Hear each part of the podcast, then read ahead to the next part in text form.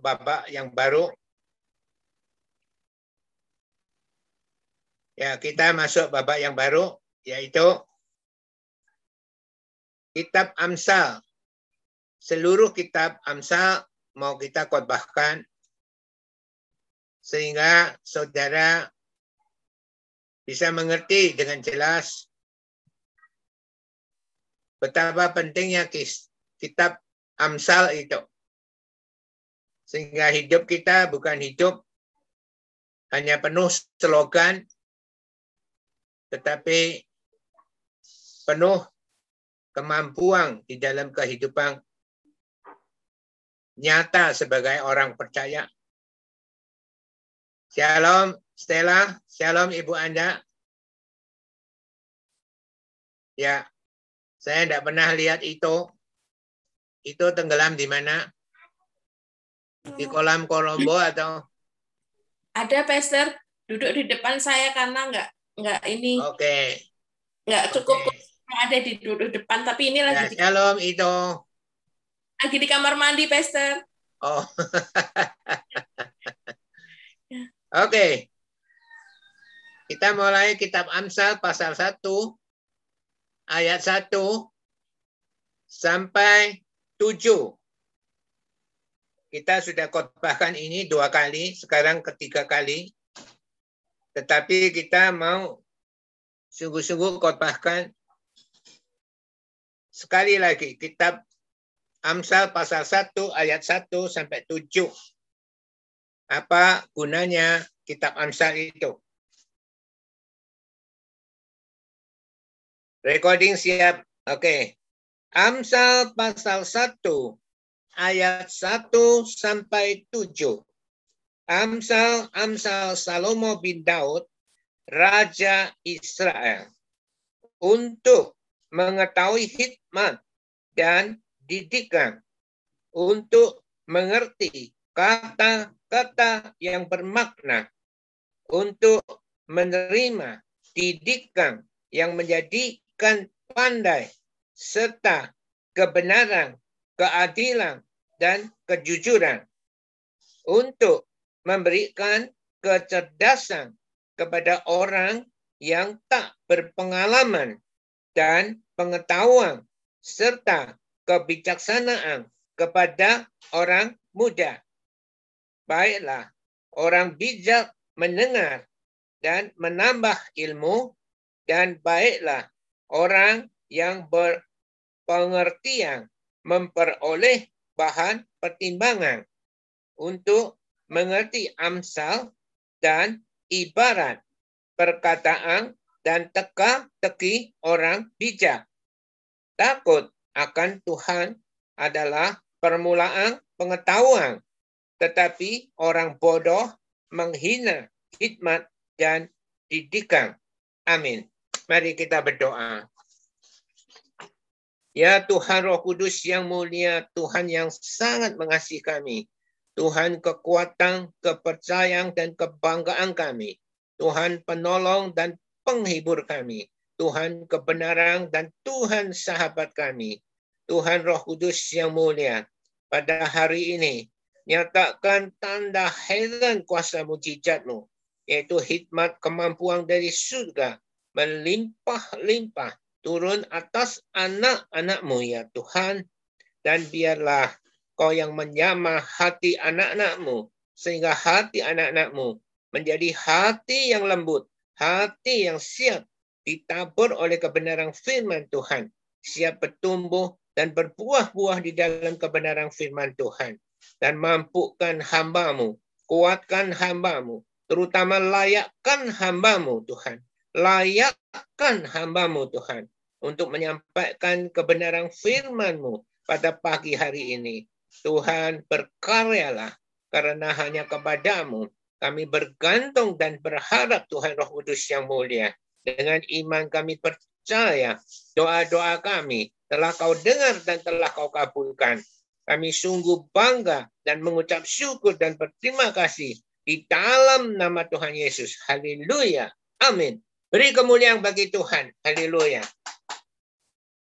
Saudara, kitab Amsal banyak yang mengerti. tetapi hanya mengerti mengertian. Tetapi kitab Amsal sesungguhnya adalah kitab yang untuk apa bagi orang-orang percaya.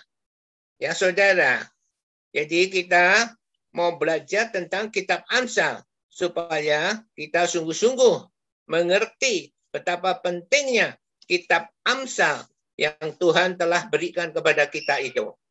Maukah kita diajar oleh Tuhan? Haleluya. Haleluya, haleluya, haleluya. Haleluya, haleluya, haleluya. Ya, kita ulangi lagi ya. Amsal pasal 1 ayat 1 sampai ayat 4.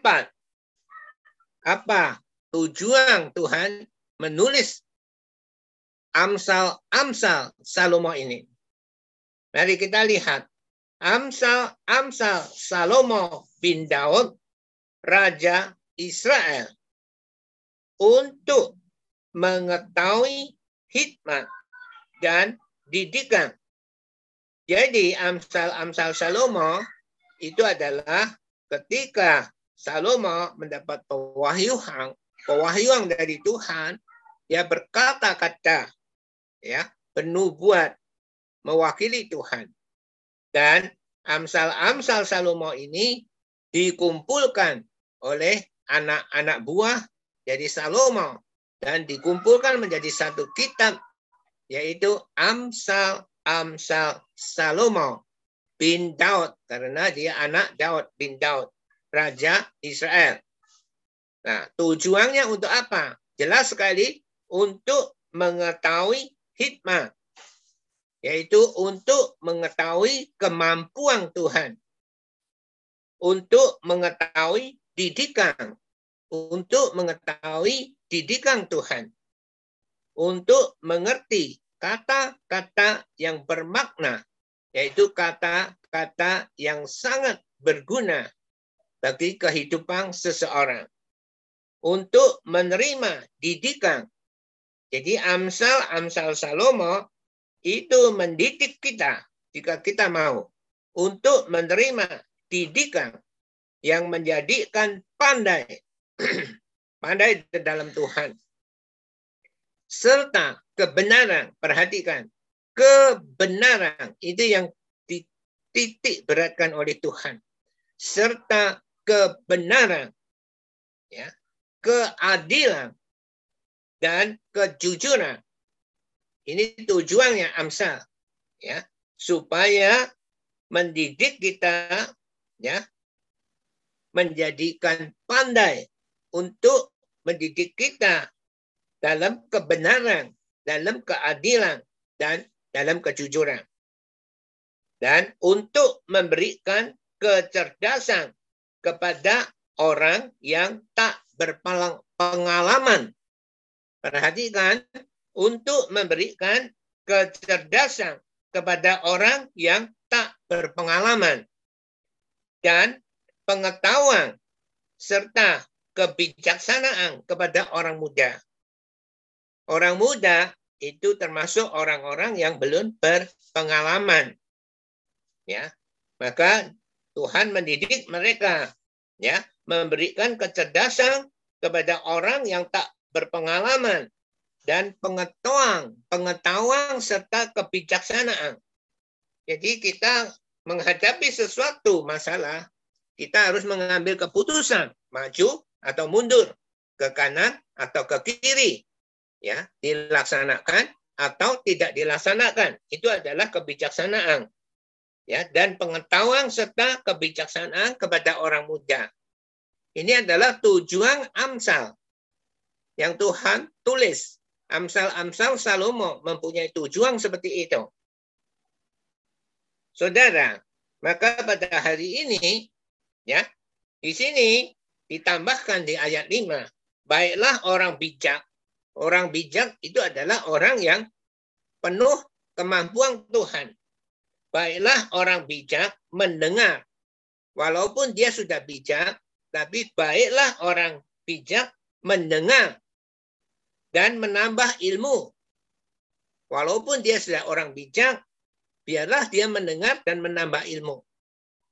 Dan baiklah ya. Dan baiklah orang yang berpengertian. Berarti dia juga mempunyai pengetahuan. Dan baiklah orang yang berpengertian memperoleh bahan pertimbangan.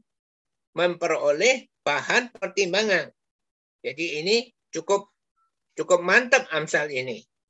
Ya, untuk mengerti Amsal setelah orang bijak mendengar dan orang pemengerti yang mendengar ya untuk mengerti Amsal.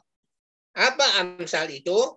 Dan ibarat yaitu perumpamaan perumpamaan ya dan perkataan perkataan ya orang bijak dan teka-teki orang bijak. Ya. Jadi teka-teki orang bijak. Jadi ini adalah pentingnya amsal. Dan ditegaskan jika kita mempunyai sikap yang benar, yaitu takut akan Tuhan, adalah permulaan pengetahuan. Jika kita mau takut akan Tuhan, yaitu mau selalu atau setiap saat taat kepada firman Tuhan, sekalipun itu berat dalam anggapan kita, di dalam kita melaksanakan firman Tuhan itu dengan berat, tetapi Tuhan bilang takut akan Tuhan adalah permulaan pengetahuan. Sikap yang benar adalah takut. Ya, menghormati itu adalah takut. Jangan sampai kita melanggar firman Tuhan. Ya, takut akan Tuhan adalah permulaan pengetahuan. Ya, contoh sekarang COVID-19. Ya, Tuhan sudah memberi Amsal 22 ayat 3. Kalau orang bijak melihat malapetaka, bersembunyilah ia. Jadi bersembunyilah ia itu bukan terus kita bersembunyi. Bukan. Tetapi artinya, prinsipnya, kita harus hati-hati terhadap malapetaka itu. Maka COVID-19 kita diharuskan pakai masker dan kita jaga jarak ya paling sedikit satu setengah meter dan kita tidak kumpul-kumpul di dalam kumpulan orang-orang banyak sekalipun kita beribadah kepada Tuhan banyak gereja yang masih melakukan ibadah kepada Tuhan itu sangat bahaya sekali.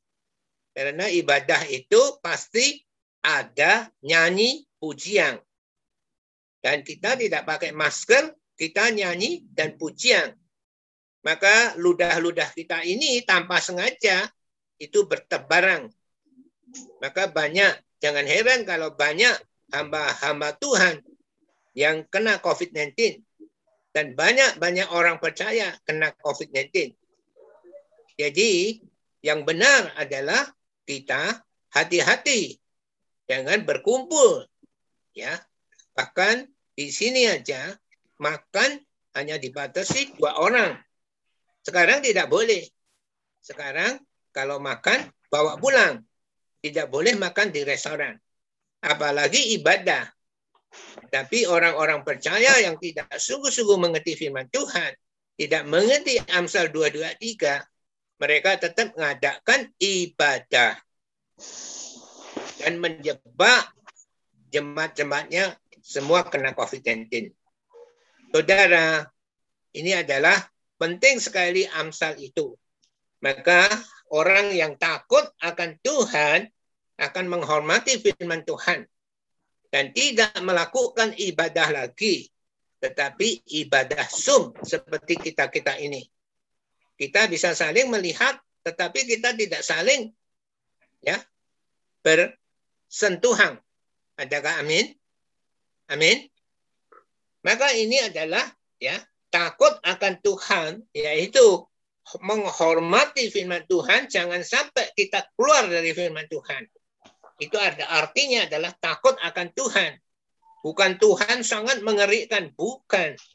Tetapi kita sangat menghormati firman Tuhan. Itu artinya takut akan Tuhan. adalah permulaan pengetahuan.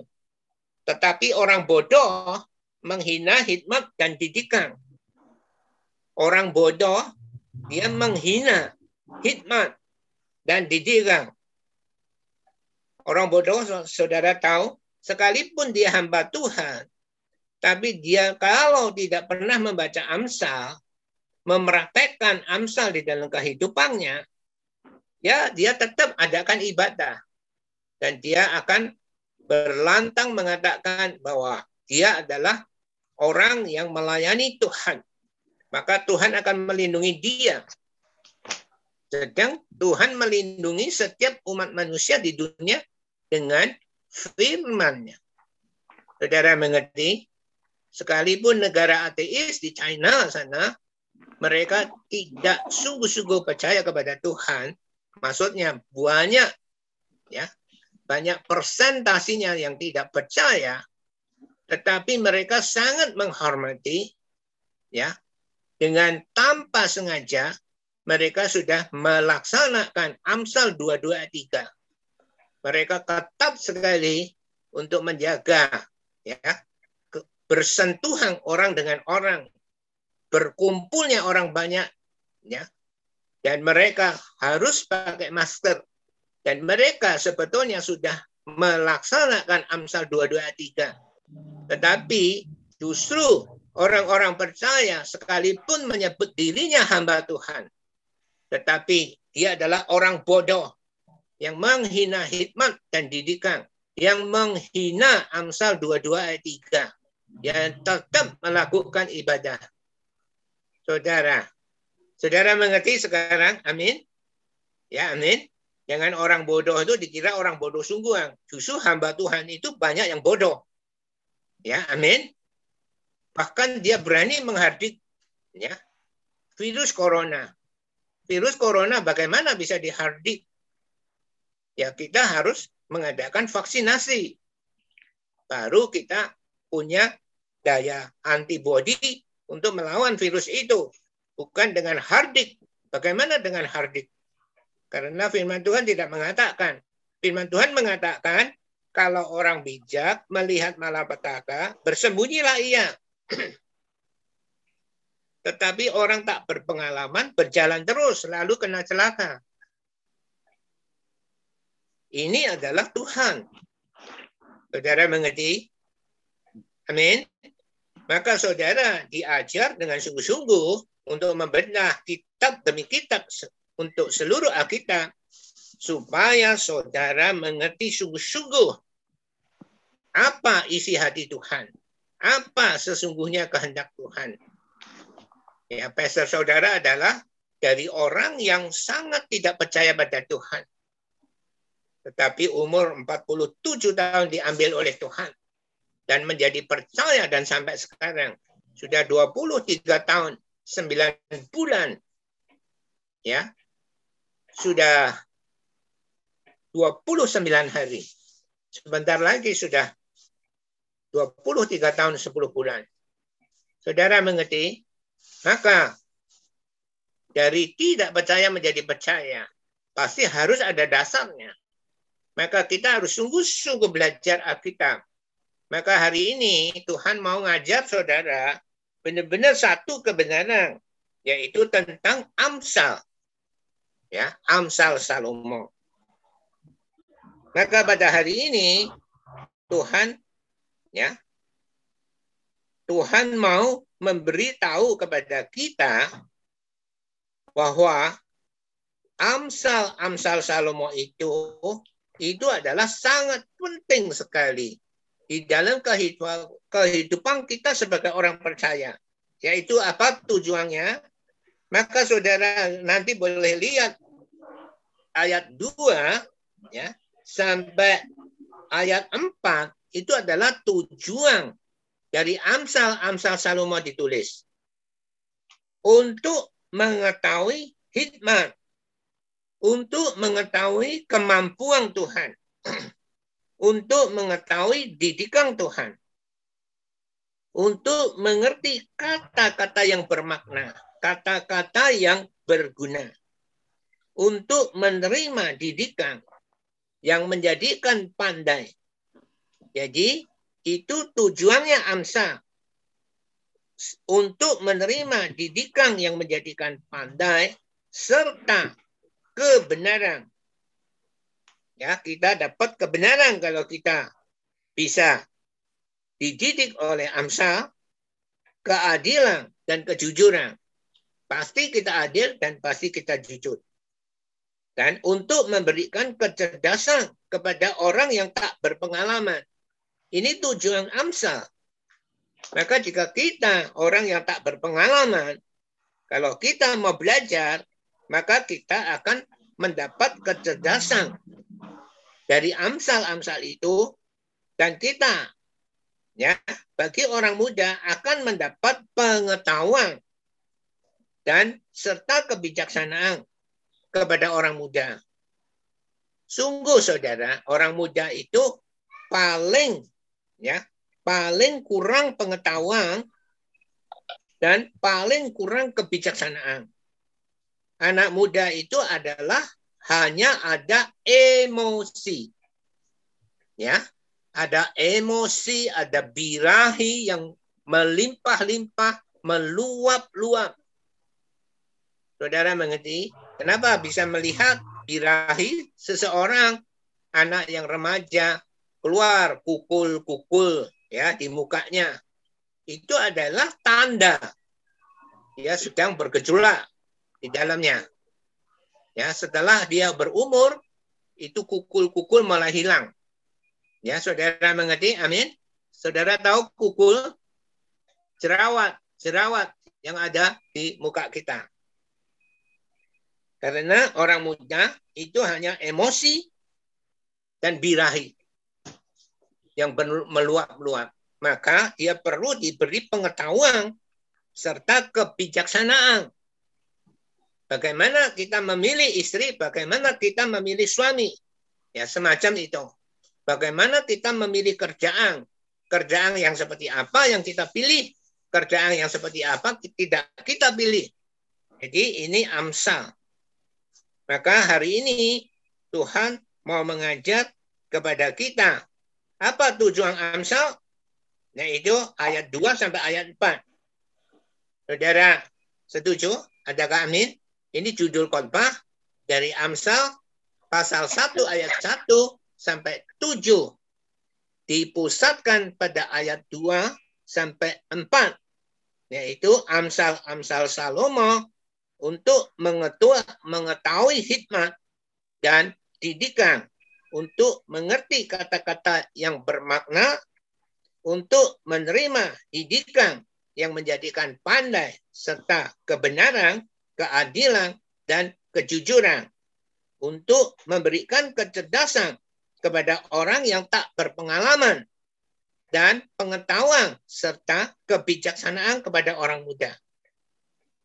Pentingkah amsal-amsal Salomo ini, saudara? Yang penting angkat tangan. Ya, amin. Pentingkah? Ya, sangat penting sekali. Setiap orang percaya, entah dia tua, muda, ya, dia harus membaca bahkan menghafalkan Amsal Amsal Salomo di dalam kehidupannya sebagai orang percaya. Sekarang saya mau urai satu persatu, lebih perinci lagi. Apakah hikmat itu? Ya.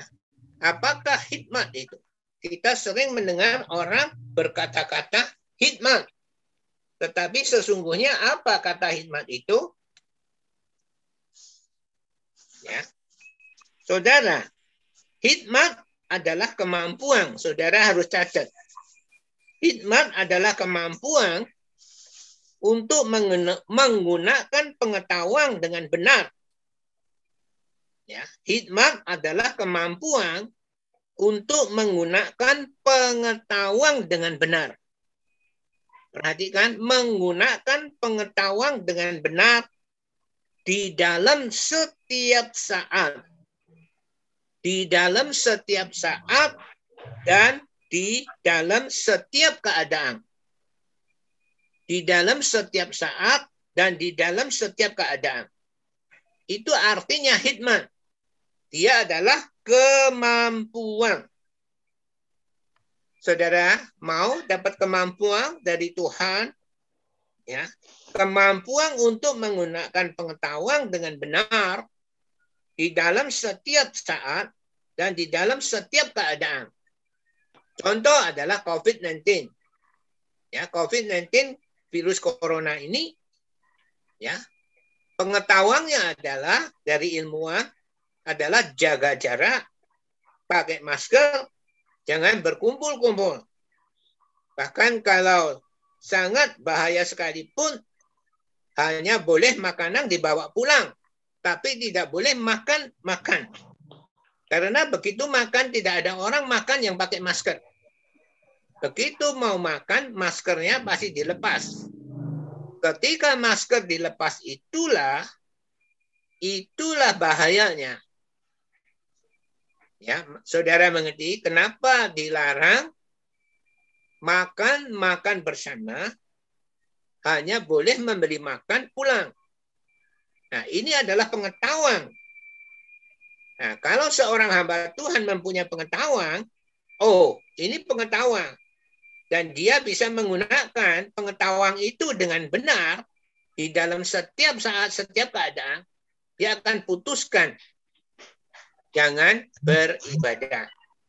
Maka ketika saudara mengadakan ke grup, ya saudara lupa bahwa saudara di dalam masa ya penularan virus corona. Bahkan saudara berke grup bersama-sama seolah-olah saudara mengasihi Tuhan. Saudara membicarakan, membicarakan firman Tuhan, berkumpul bersama-sama. Bahkan pastor lihat video yang saudara kirim kepada pastor itu ada yang tidak pakai masker. Setelah itu saudara makan-makan bersama tanpa masker. Nah, sekarang dibuktikan bahwa pesan pastor kepada pemimpin saudara, jangan sampai grup ini ada yang kena COVID-19. Ternyata kena enggak? Kena. Ya. Laura kena, Rian kena, Ferdi kena, Apli kena, Agostelli kena, Iren kena. Ya. Saudara mengerti? Ya, Iren itu adalah termasuk keteledoran pester. Lupa bahwa dia kerja di luar. Ya. Bahwa itu sangat bahaya sekali. Maka saya ingatkan sekarang Nadine dan Ricky yang masih kerja di luar, hati-hati jangan sampai mengulang apa yang dialami oleh Iren. Saudara, ini adalah penting. Ini adalah kemampuan menggunakan pengetahuan. Tetapi kita tetap adakan ke grup dan kita tetap adakan makan-makan. Maka begitu pastor tahu, bahkan pastor tidak tahu, tahunya video ini dikirim kepada Ibu Priscilla, bukan kepada pastor. Maka pastor tegur pemimpin saudara, untuk stop kayak grup itu. Stop makan-makan. Jika mau kasih makan, masakkan dan bawa pulang. Bukankah seperti ini pemimpin? Bukankah seperti ini pemimpin? Iya, Pastor. Saudara, ini adalah kemampuan saudara. Ya, amin. Jadi saudara tahu hikmat itu adalah kemampuan menggunakan pengetahuan dengan tepat di dalam setiap keadaan ya itu menggunakan pengetahuan dengan tepat dengan benar saudara mengerti ini adalah hikmat jadi orang yang pandai pun orang yang IQ-nya superior belum tentu dia punya hikmat saudara orang hikmat, orang yang punya hikmat itu orang yang takut akan akan Tuhan. Permulaan hikmat adalah takut akan Tuhan. Amsal 9 ayat 10a. Takut akan Tuhan adalah permulaan hikmat. Jika saudara tidak takut akan Tuhan, tidak menghormati firman Tuhan, artinya takut akan Tuhan, tidak menghormati firman Tuhan, maka jangankan hikmat, permulaannya saja saudara tidak akan mendapat. Jangankan hikmat, mendapatkan hikmat, permulaannya saja tidak akan dapat. Hanya orang yang takut akan Tuhan, selalu menghafal firman Tuhan, selalu menaruh firman Tuhan sebagai kerangka di dalam kehidupan saudara, prinsip-prinsip Tuhan itu, itu yang harus kita saudara mengerti. Amin. Saudara, jangan sedih kalau tidak bisa ke grup. Bisa ke grup ke grup Zoom seperti ini. Ya, jangan sedih kalau saudara tidak bisa makan nasi goreng, ya, yang dimasak oleh Ibu Yani. Tidak usah takut, Ibu Yani akan masakkan kepada saudara, saudara bisa ambil secara bungkusan. Saudara mengerti? Amin.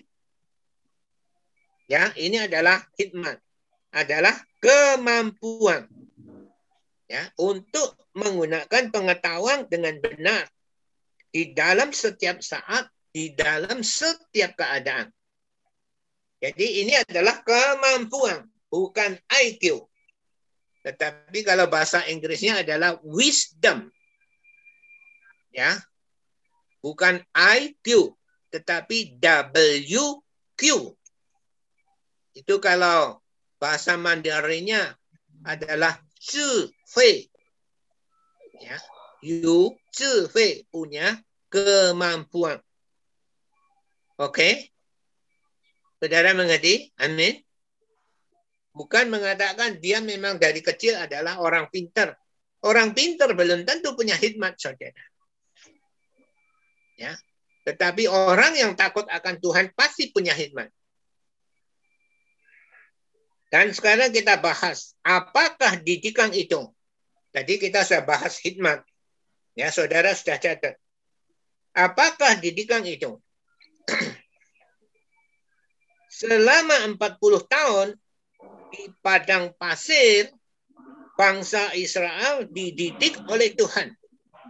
Bukankah seperti itu? Amin. Selama 40 tahun di padang pasir, bangsa Israel dididik oleh Tuhan. Dia bukan di langsung dibawa menuju ke Yerusalem, tapi dia harus turun. Ya, melalui gunung pasir selama 40 tahun baru sampai ke Yerusalem. Selama 40 tahun di padang pasir bangsa Israel dididik oleh Tuhan. Demikian bagi kita kita ini yang telah diselamatkan oleh darah Yesus Kristus itu perlu juga dididik oleh Tuhan. Jadi kita yang ditebus oleh darah Yesus Kristus itu kita perlu juga dididik oleh Tuhan. Apa didik itu? Di Amsal 22 ayat 6. Itu jelas sekali tentang didik. Amsal 22 ayat 6. Di situ firman Tuhan mengatakan, didiklah orang muda menurut jalan yang patut baginya. Artinya, yang patut baginya yaitu yang benar baginya. Didiklah orang muda yang patut baginya. Maka pada masa tuanya pun ia tidak akan menyimpang daripada jalan itu. Contoh apa yang pastor didik kepada anak sulung yaitu sekalipun itu lima rupiah jika itu bukan punyamu jangan sekali-sekali kau ambil uang itu sekalipun lima rupiah. Nah, ini masih diingat oleh anak sulung pastor. Saudara, didiklah anak muda menurut jalan yang patut baginya. Maka pada masa tuanya pun ia tidak akan menyimpang daripada jalan itu. Saudara, mengerti? Amin. Ini adalah didik. Ya, jadi kalau saudara mau saudara tahu untuk menerima didikan yang menjadikan pandai. Ya, ini yang dimaksud didik. Ya. Amsal 3 ayat 11 sampai 12. Amsal 3 ayat 11 sampai 12. Itu jelas Tuhan mengatakan didik. Hai anakku, janganlah engkau menolak didikan Tuhan. Hai anakku, janganlah engkau menolak didikan Tuhan. Dan janganlah engkau bosan akan peringatannya. Karena Tuhan memberikan ajaran kepada orang yang dikasihi. Seperti seorang ayah kepada anak yang disayangi. Ini ada didik di sini. Saudara mengerti? Amin. Jadi untuk menerima didikan yang menjadikan pandai, ya, kebenaran serta kebenaran, keadilan dan kejujuran. Jadi ini adalah didik, ya didikan. Sekarang, apakah kata-kata bermakna itu? Karena di sini disebut Amsal Amsal Salomo untuk mengetahui hikmat dan didikan untuk mengerti kata-kata yang bermakna. Nah, sekarang kita membahas kata-kata yang bermakna. Apa kata-kata yang bermakna itu? Apakah kata-kata bermakna itu? Ya, kata-kata yang sangat berguna. Kata-kata yang sangat berguna di dalam kehidupan kita sehari-hari. Itu artinya kata-kata yang bermakna. Kata-kata yang sangat berguna di dalam kehidupan kita sehari-hari. Ya, yang sangat berguna itu adalah bermakna. Contoh, Amsal 19 ayat 4. Contoh di Amsal 19 ayat 4. Karena ini menunjukkan bahwa Amsal-Amsal Salomo itu untuk mengetahui hikmat dan didikan, untuk mengerti kata-kata yang bermakna. Maka Pastor ambil di Amsal. Amsal 19 ayat 4. Kekayaan menambah banyak sahabat. Tetapi orang miskin ditinggalkan sahabatnya. Ini adalah kata-kata bermakna. Kalau kita mau menghormati kata-kata bermakna ini, maukah kita miskin? Oh, tidak mau. Karena hanya kekayaan yang ya, kekayaan mendatangkan banyak sahabat. Kekayaan menambah banyak sahabat, tetapi orang miskin ditinggalkan sahabatnya. Jadi kalau kita menghormati kata-kata yang bermakna itu, maka kita punya cita-cita bukan menjadi orang miskin. Tetapi kita harus menjadi orang kaya karena Tuhan menghendaki seperti itu. Kekayaan menambah banyak sahabat, tetapi orang miskin ditinggalkan sahabatnya. Ini Amsal 19 ayat 4. Amsal 19 ayat 7 kemiskinan dibenci oleh orang yang miskin dibenci oleh semua saudaranya. Saudara kalau nggak percaya, setiap keluarga pasti ada yang satu miskin atau dua yang miskin. Ya. Orang miskin dibenci oleh semua saudaranya. Di keluarganya ibu ada yang miskin. Dibenci oleh semua saudaranya. Setelah mati baru dikenang. Setelah mati disayang-sayang. Tidak ada gunanya. Kenapa ketika hidup tidak disenangkan? Ketika sudah mati baru di seolah-olah disenangkan. Tidak ada gunanya. Sudah mati orang. Karena dia miskin. Orang miskin dibenci oleh semua saudaranya. Nah, kalau dia punya kata-kata yang bermakna itu, dia mau miskin enggak? Tidak. Dan dia dikasih nasihat. You punya tempat lebar. Kau dulu ada orang aja yang tidak kenal mengenal datang dan jualan di sana. Laris. Tapi karena mengganggu akhirnya diusir. Nah sekarang kau punya tempat, itu tempatmu sendiri. Kau buka tenda, tenda nggak usah dilepas karena itu punyamu sendiri. Kau sewa gerobak, kau jual lotek, dia kaya nggak? Kaya. Tapi dia tidak mau. Karena dia tidak tahu kata-kata yang bermakna. Kalau ya, kalau dia tahu kata-kata yang bermakna, ya orang miskin dibenci oleh semua saudaranya maka dia harus jangan miskin bahkan sahabat-sahabatnya mereka menjauhi dia jadi sahabat-sahabatnya mulai menjauhi dia dan ia mengejar mereka memanggil mereka tetapi sahabat-sahabatnya tidak ada Nah, ini adalah kata-kata yang bermakna. Saudara kalau mau dihormati, saudara harus mempunyai cita-cita. Pastor masih ingat, andai kata pastor orangnya tidak punya harga diri, waktu ibu pacaran dengan ibu, ibu diboncengkan dengan pastor, walaupun pakai sepeda yang terbaik pada waktu itu, ya, ponik. Tetapi ibu tidak mau, mau pakai sepeda sendiri. Itu bagi seorang laki-laki adalah penghinaan. Yang disayang tidak mau diboncengkan. Maka pastor bilang, awas, pada satu saat akan aku belikan mobil. Beli mobil enggak? Beli.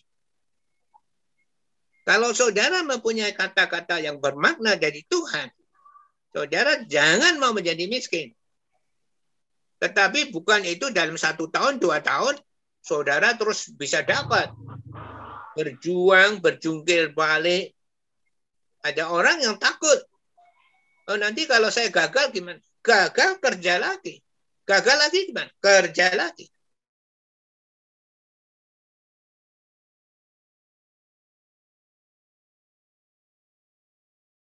Siapa yang menciptakan lampu penerangan? Bukankah Thomas Edison? Thomas Edison melakukan berapa kali percobaan? Ribuan kali. Setiap melakukan percobaan, dia tidak mengatakan aku gagal. Tetapi dia mengatakan aku sudah melakukan percobaan 1100 kali. Dia tidak mengatakan kegagalan. Aku sudah melakukan percobaan 1100 kali.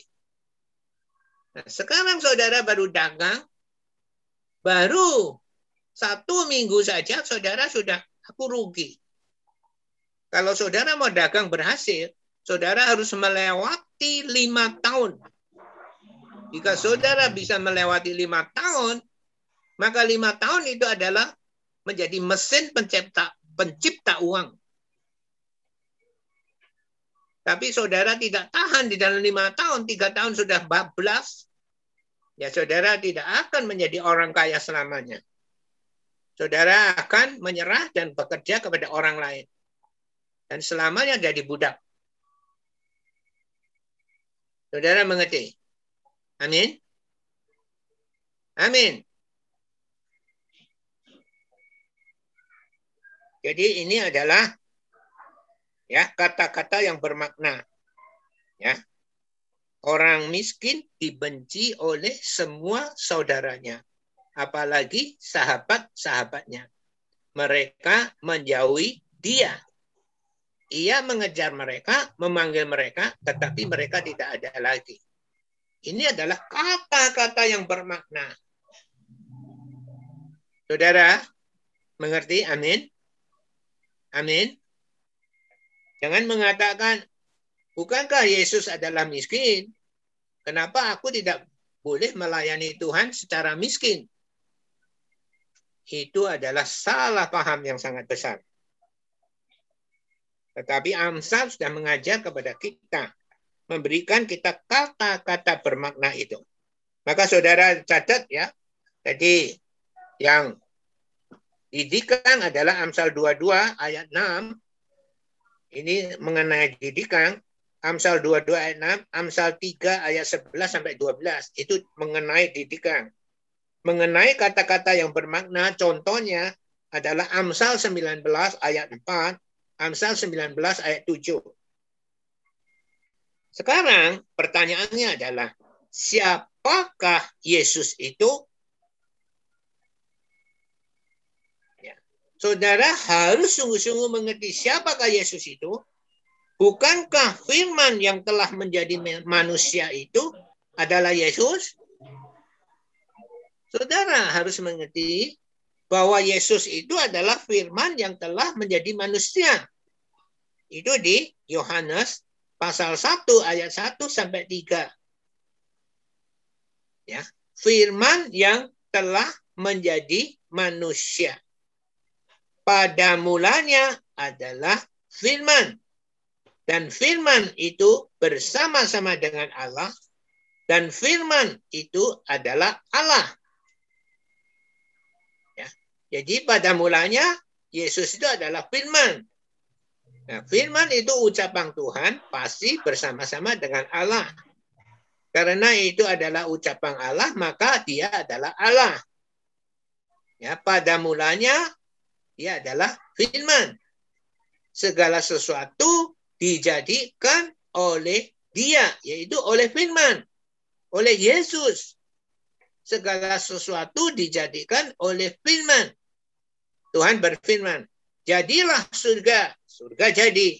Jadilah bumi, bumi jadi. Saudara, jadilah matahari, matahari jadi. Berfirmanlah Allah.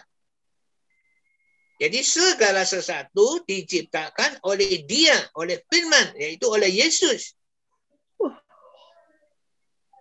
Saudara mengerti? Tidak ada sesuatu pun yang telah jadi kalau tidak melalui dia, ya kalau tidak melalui firman. Itu adalah Yesus. Jadi Yesus itu adalah firman.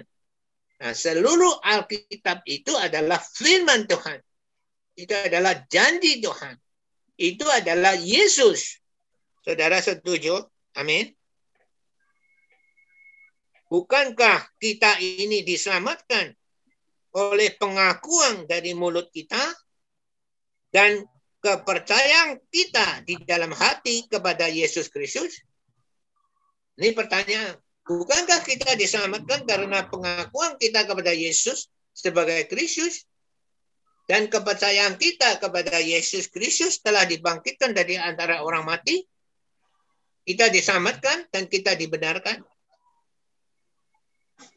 Saudara, di dalam janjinya firman Tuhan Roma 10 ayat 9 dan 10 di situ disebut sebab jika kamu mengaku dengan mulutmu bahwa Yesus adalah Tuhan perhatikan Sebab jika kamu mengaku dengan mulutmu bahwa Yesus adalah Tuhan, maka ini adalah prinsip pertama. Saudara mengaku enggak dengan mulutmu bahwa Yesus adalah Tuhan? Apa Tuhan? Tuhan itu adalah yang tertinggi. Tidak ada yang lebih tinggi dari Tuhan. Maka Yesus itu adalah yang tertinggi di dalam kehidupan saudara jika saudara mengaku. Maka Yesus itu adalah firman. Maka jika saudara mengaku firman adalah Tuhan di dalam kehidupan saudara. Itu adalah poin penting. Kita diselamatkan. Dan yang kedua, ya, dan percaya di dalam hati kita bahwa Yesus benar-benar telah dibangkitkan dari antara orang mati. Setelah mati tiga hari. Orang kalau mati lewat satu hari, dua hari, dia busuk. Saudara. Tetapi Yesus setelah tiga hari tidak busuk. Tetapi dibangkitkan dari antara orang mati. Kuburnya ada, kain kafannya ada. Tetapi Yesus bangkit. Dia tidak busuk. Karena memang dia adalah punya tubuh kemuliaan. Jika saudara percaya bahwa Yesus telah dibangkitkan dari antara orang mati setelah mati tiga hari ya, oleh Bapa di surga, maka kamu akan dibenarkan. Kamu akan dibenarkan. Jadi ikut Yesus itu adalah menaruh pengharapan kepada kebangkitan Yesus. Bukan menaruh pengharapan kepada Yesus hanya di dalam hidup ini saja. Jika saudara ikut Yesus hanya di dalam hidup ini saja, sekalipun saudara menempatkan Yesus adalah Kristus, adalah juru selamat dosa saudara, tapi hanya dalam hidup ini saja. Tuhan tidak mau. Tuhan maunya dan percaya di dalam hatimu bahwa Yesus telah dibangkitkan dari antara orang mati, ya, baru kita dibenarkan. Jadi kita ikut Yesus tujuannya ke surga. Maka saudara, Roma 10 ayat 9 10 itu itu adalah kunci. Kita harus sampai ke ya, ke standar yang Tuhan tetapkan. Sebab jika kamu mengaku dengan mulutmu bahwa Yesus, bahwa firman adalah Tuhan, itu yang Tuhan mau. Dan ikut Tuhan bukan untuk Allah dalam di, di dunia ini saja. Maka Tuhan memberi satu Korintus ya, 15 ayat 19. Saudara harus benar-benar catat 1 Korintus 15 ayat 19. Sebab jika kita hanya dalam hidup ini saja dibuka dengan hanya ditutup dengan saja lingkupnya jelas hanya dalam hidup ini saja menaruh pengharapan kepada Kristus. Kita juga menaruh pengharapan pada Yesus sebagai Kristus, sebagai juru selamat. Tapi hanya dalam hidup ini saja.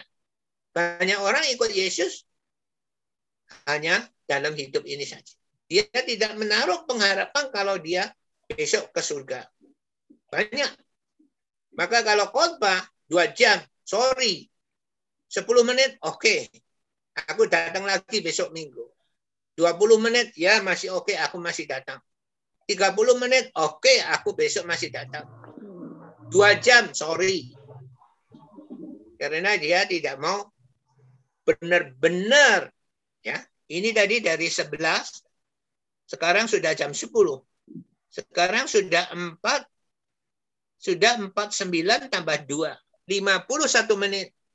Ini baru menjelaskan sebagian. Bagaimana dengan khotbah hanya 20 menit, 30 menit untuk menjelaskan semuanya. Jika saudara suka khotbah-khotbah yang seperti itu, hanya 30 menit yang tidak me, memusingkan otak saudara, dan banyak orang beralasan, oh daya tahan manusia itu hanya satu jam. Kalau khotbah lebih satu jam, Oh, tidak mungkin. Tidak mungkin. Sudah sudah hancur semua. Semua apa yang dikatakan di depan tadi sudah lupa. Itu bohong, saudara. Saudara bisa lihat televisi, acara televisi sampai 10 jam. Tetapi mendengarkan khotbah, baru satu jam, saudara bilang otaknya hancur. Itu gereja untuk manusia, saudara. Jadi saudara, ikut Yesus itu harus punya tujuan supaya kita masuk ke surga. Itu baru kita dibenarkan. Kita menaruh pengharapan atas kebangkitan Yesus. Tidak ada seorang pun yang luput mati. Tapi sekalipun kita mati, kita tidak takut. Jika kita percaya, maka kita juga akan dibangkitkan dari antara orang mati. Saudara mengerti? Amin. Hmm. Jadi ini saudara harus tingkatkan iman saudara sampai ya ke sana. Nah sekarang Tuhan mau menekankan pada hari ini. Apalagi amsal-amsal itu, itu adalah kemampuan Tuhan. Jadi ini ini firman firman Amsal-Amsal Salomo ini adalah kemampuan Tuhan. Ya, ini adalah kemampuan Tuhan. Apalagi ini adalah kemampuan Tuhan. Maukah kita menghafalkannya? Maukah kita menghafalkan amsal-amsal itu? Sampai detik ini, Pastor Saudara tetap menghafalkan amsal 19 ayat 2, ayat 4, ayat 6, ayat 7, ayat 10, ayat 14, ayat 17, ayat 19 ayat 22, ayat 1, ayat 3, ayat 4, ayat 5, ayat 6, ayat 7, ayat 10, ayat 24, 25, ayat 26. Amsal 24, ayat 6, ayat 10, ayat 11, ayat 15, 16, ayat 19, 20. Amsal 27, ayat 17, Amsal 28 ayat 26, Amsal 31 ayat 30, ya. Amsal 17 ayat 6, Amsal 16 ayat 2, ayat 18, ayat 32. Amsal 15 ayat 3, Amsal 14 ayat 8, Amsal 13 ayat 22, ayat 24, Amsal 10 ayat 4, Amsal 10 ayat 9, Amsal 9 ayat 10, Amsal 3 ayat 9 sampai 10, Amsal 3 ayat 11 sampai 12, Amsal 1 ayat 1 sampai 7. Setiap hari menghafalkan firman Tuhan. Maukah saudara menghafalkan ya amsal-amsal itu? Yang mau angkat tangan. Haleluya. Ya, kemarin pemimpin saudara hampir bisa menghafalkan. Sekarang lupa lagi. Karena pastor mengajar. Bacalah. Yang pastor baca itu, bacalah setiap hari. Baca saja. Pada satu saat saudara akan yang peser saudara sudah tua saja, yang sudah otaknya sudah banyak cap-cap memori-memori, sedang otak saudara memori-memorinya masih sedikit. Bagaimana saudara tidak bisa menghafalkan firman Tuhan? Kasih tahu, Pastor dulu belajar bahasa Inggris yang namanya benefit. Sekarang di, diajak lima menit lagi lupa apa benefit itu. Baca lagi. Lupa lagi. Baca lagi, lupa lagi. Besok benefit, eh lupa lagi. Lihat lagi. Baca lagi. Eh lupa lagi. Terus diingat terus. Sekarang saya tahu benefit. Ya itu adalah manfaat. Manfaat artinya. Karena tidak akan lupa selama lamanya benefit itu. Jadi itu adalah kemauan. Maukah kita menghafalkan? Ya kemampuan-kemampuan Tuhan itu. Maka hari ini Tuhan mau mengajar kepada kita bahwa amsal-amsal Salomo itu sangat penting. Itu untuk mengetahui hikmat kemampuan Tuhan untuk mengetahui didikan Tuhan, untuk mengerti kata-kata yang bermakna yang sangat berguna, untuk menerima didikan yang menjadikan pandai, untuk mendidik untuk menerima didikan yang menjadikan pandai, serta kebenaran, keadilan, dan kejujuran, untuk memberikan kecerdasan kepada orang yang tak berpengalaman, dan pengetahuan serta kebijaksanaan kepada orang muda. Saudara, maukah saudara menghafalkan amsal-amsal itu? Ya, amin. Jadi ini adalah uh, hari ini Tuhan mau mengajar kepada kita. Sekarang pertanyaannya adalah masih banyak orang yang ragu. Maka pertanyaannya adalah masih ragukah kita bahwa amsal-amsal itu hanyalah kemampuan Tuhan saja. Perhatikan. Ya, ini pertanyaan. Masih ragukah kita bahwa amsal-amsal itu hanyalah kemampuan Tuhan saja? Maka bisa ditaati, juga bisa tidak ditaati. Tidak akan mempengaruhi keselamatan kita itu. Benarkah pandangan itu? Ini pertanyaan. jika kamu mengaku firman adalah Tuhan, apalagi amsal-amsal itu adalah kemampuan Tuhan, itu lebih harus dia menjadi Tuhan di dalam kehidupan kita. Sekarang pertanyaan masih ragukah saudara? Banyak yang kalau disuruh menghafalkan, dia akan jawab, ah, Amsal-amsal itu hanyalah kemampuan Tuhan saja. Maka bisa ditaati, juga bisa tidak ditaati. Tidak akan mempengaruhi keselamatan kita itu. Bukankah saudara juga mempunyai pandangan yang seperti itu? Saudara, ini adalah khotbah. Itu untuk mengingatkan saudara supaya saudara hati-hati ya supaya saudara benar-benar ya apakah benar seperti itu? Mari kita beri contoh. Sekarang contoh ya. Beri contoh. Beri contoh saudara. Bahwa amsal itu penting atau tidak? Kita beri contoh. Ya kita sekarang ambil amsal 19 ayat 4 Amsal 19 ayat 4 adalah kekayaan menambah banyak sahabat. Tetapi ya kemiskinan kehilangan kesabaran. Kekayaan mendapat menambah banyak sahabat, tetapi orang miskin ditinggalkan sahabatnya. Ya. Sekarang ini ini adalah pertanyaan. Banyak orang yang ragu. Banyak orang yang mengatakan gini, kita tidak harus kaya. Banyak loh yang bilang seperti itu. Kita tidak harus kaya. Tapi firman Tuhan mengatakan kekayaan menambah banyak sahabat. Tetapi orang miskin ditinggalkan sahabatnya. Itu firman. Tapi saudara bilang, itu kan kemampuan. Tidak semua orang punya kemampuan seperti itu.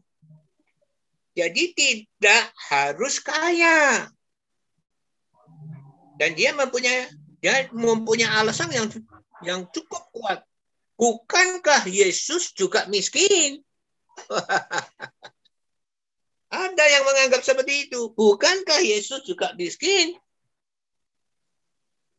Saudara seperti itu tidak? Saya mau tanya pada saudara. Saudara punya anggapan seperti itu? Bukankah Yesus juga miskin? Halo.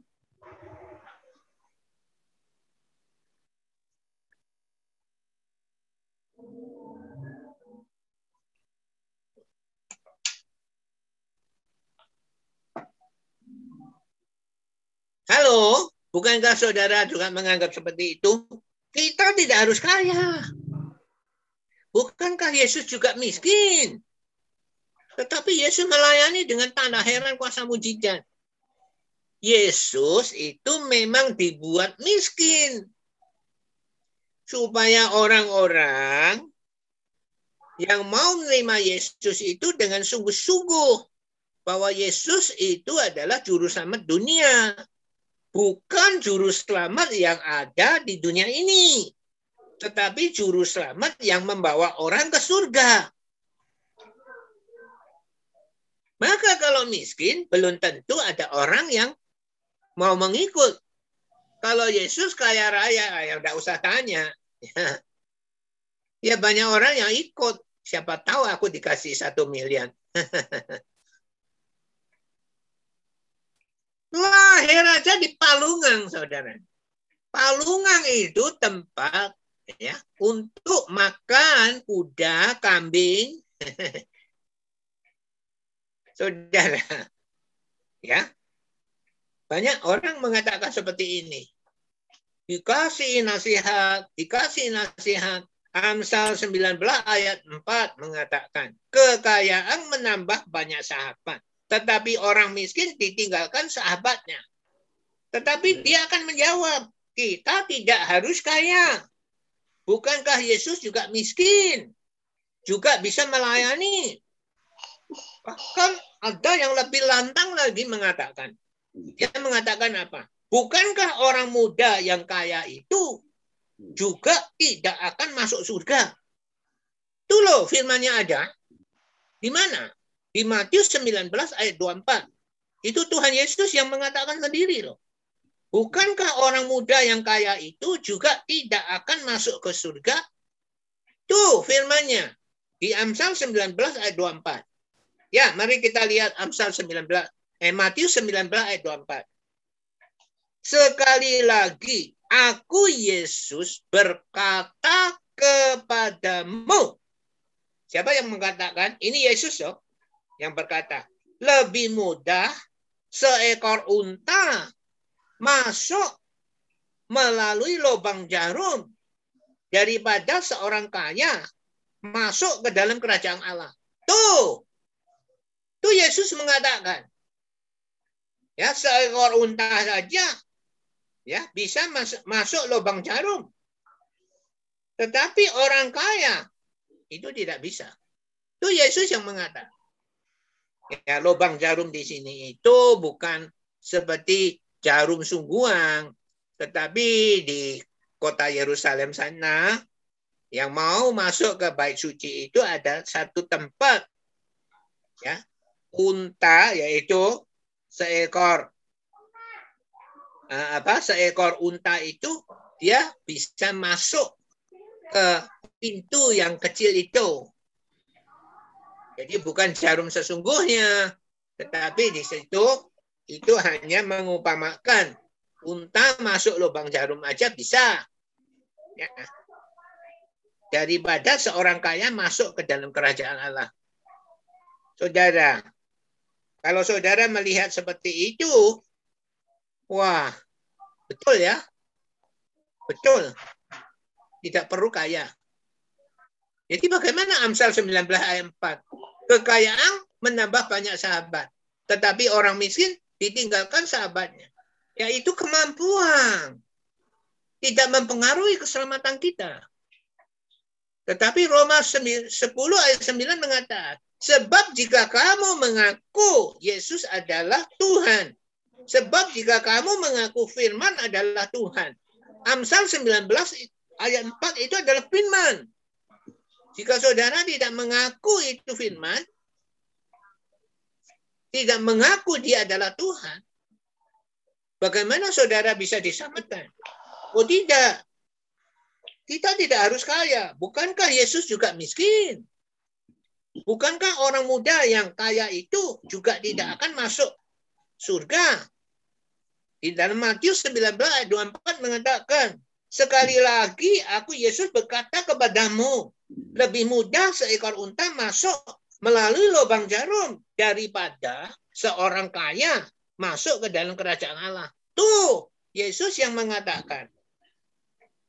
Saudara, saudara hmm. harus lihat di dalam Matius 19 ya.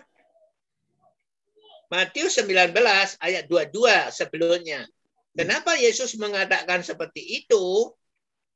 Ya, di Matius 19 ayat 22 sebetulnya ini panjang ya ini panjang. Di dalam Matius 19 ayat 22 Tuhan uh, di, di, di, digambarkan bahwa orang kaya muda itu dia sebetulnya mencari Yesus. Dia tanya ya. Oke lah saya bacakan lah. Ya di dalam ayat 16 orang muda itu mengatakan seperti ini. Ada seorang datang kepada Yesus dan berkata, Guru, perbuatan baik apakah yang harus ku perbuat untuk memperoleh hidup yang kekal? Ya, hidup yang kekal. Jawab Yesus, apakah sebabnya engkau bertanya kepadaku tentang apa yang baik? Hanya satu yang baik. Tetapi Jikalau engkau ingin masuk ke dalam hidup, turutilah segala perintah Allah. Kata orang itu kepada Yesus, perintah yang mana? Kata Yesus, jangan membunuh, jangan berzina, jangan mencuri, jangan mengucapkan saksi dusta. Hormatilah ayahmu dan ibumu. dan kasihilah sesamamu manusia seperti dirimu sendiri. Kata orang muda itu kepada Yesus, semuanya itu telah kuturuti. Apalagi yang masih kurang. Kata Yesus kepada orang muda itu, jikalau engkau hendak sempurna, pergilah, jualah segala milikmu dan berikanlah itu kepada orang-orang miskin. Maka engkau akan beroleh harta di surga. Kemudian datanglah kemari dan ikutlah aku, Yesus. Nah, sekarang ayat 22 perhatikan. Ketika orang muda itu mendengar perkataan itu, pergilah orang muda itu dengan sedih sebab banyak hartanya. Yesus suruh dia menjual hartanya. Karena Yesus tahu bahwa dia mencintai hartanya. Orang yang mencintai hartanya melebihi mencintai Yesus, bagaimana dia berani menjual hartanya dan mengikut Yesus? Ya, maka Yesus baru berkata di ayat 20 ya, Yesus di dalam ayat 23 mengatakan Yesus berkata kepada murid-muridnya, "Aku Yesus berkata kepadamu, sesungguhnya sukar sekali bagi seorang kaya untuk masuk ke dalam kerajaan surga." Sekali lagi aku Yesus berkata kepadamu, lebih mudah seekor unta masuk melalui lubang jarum daripada seorang kaya masuk ke dalam kerajaan Allah. Jadi masalahnya di perikop ini adalah orang muda itu sangat mengasihi hartanya daripada mengasihi Yesus. Jadi jangan salah paham, saudara. Jangan salah paham terhadap firman Tuhan ini. Harus diketahui pada saat seperti apa Yesus berkata di Matius 19 ayat 24 itu. Pada saat seperti apa Yesus berkata ya di Matius 19 ayat 24 itu. Itulah sebabnya khotbah harus ekspositori. Khotbah harus satu piriko. Tidak bisa diambil satu ayat untuk membuktikan bahwa kita tidak perlu kaya. Bukankah orang muda yang kaya itu juga tidak akan masuk surga? Terus kita hanya mengambil ayat Matius 19 ayat 24 saja. Tetapi kalau kita ngambil satu perikop dari ayat 16 sampai ayat 24, kita baru tahu bahwa orang muda itu sayang dengan hartanya, melebihi sayang kepada Yesus. Maka Yesus suruh dia jual hartanya. Bagaimana menjual hartanya? Dengan cepat. Ya dibagikan kepada orang miskin. Itu cepat sekali. Langsung habis hartanya. Jadi bukan, jangan salah paham bahwa kalau orang kaya itu sulit masuk surga.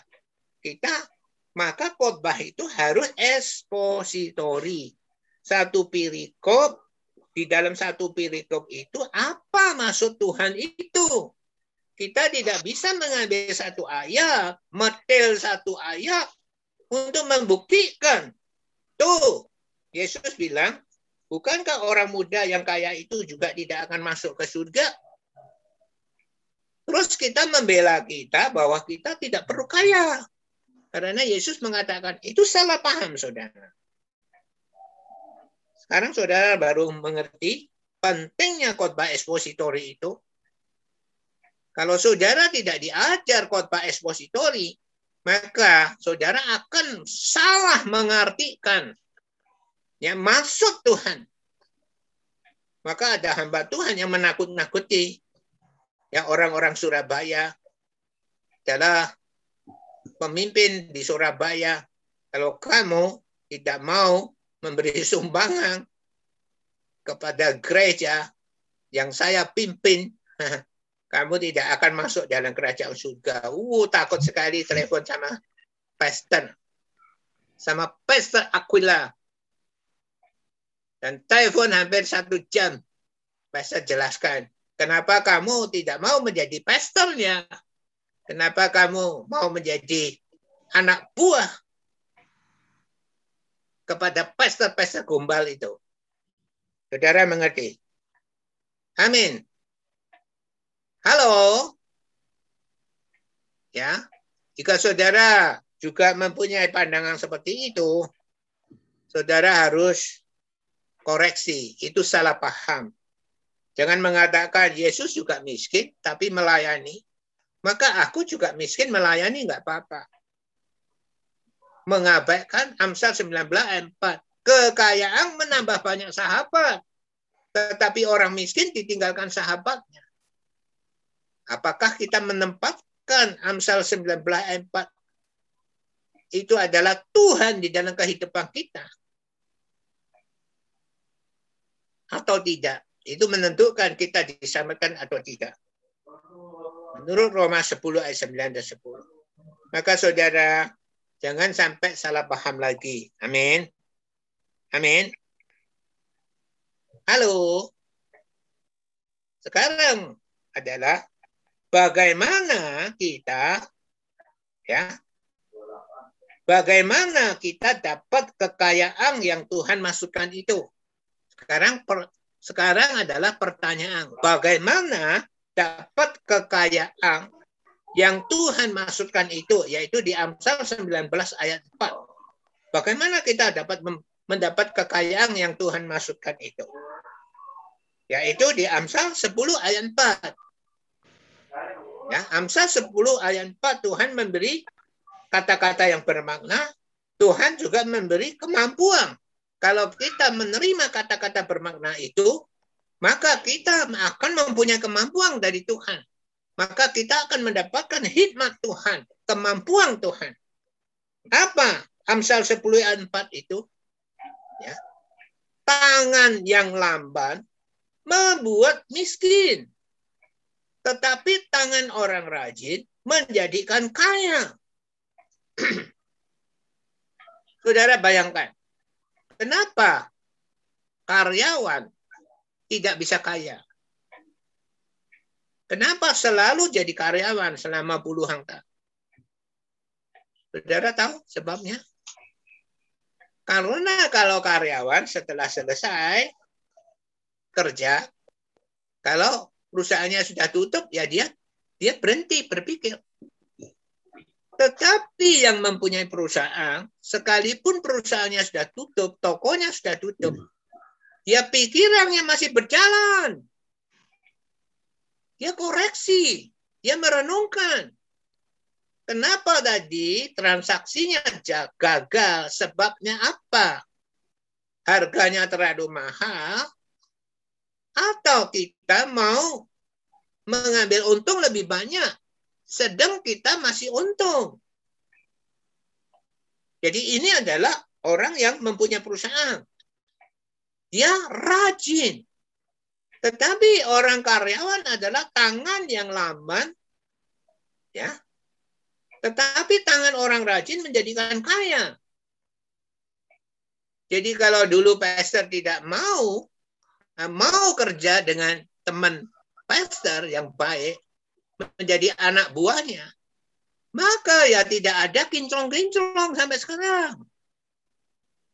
Tetapi pastor punya satu tekad, sekalipun kecil modalnya, tetapi menjadi bos sendiri.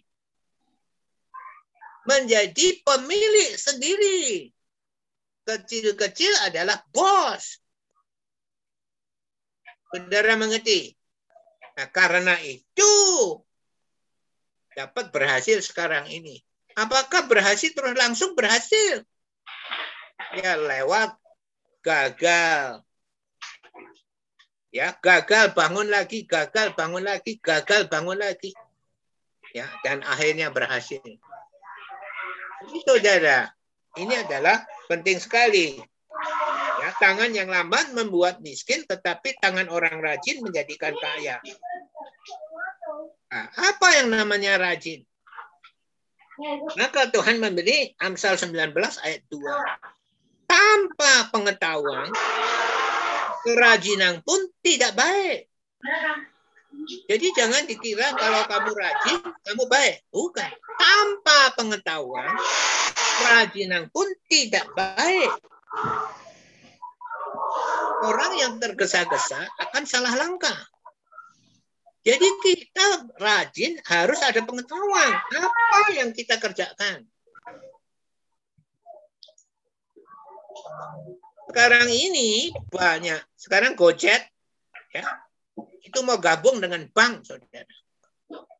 Dia masuk ke bursa saham. Kenapa?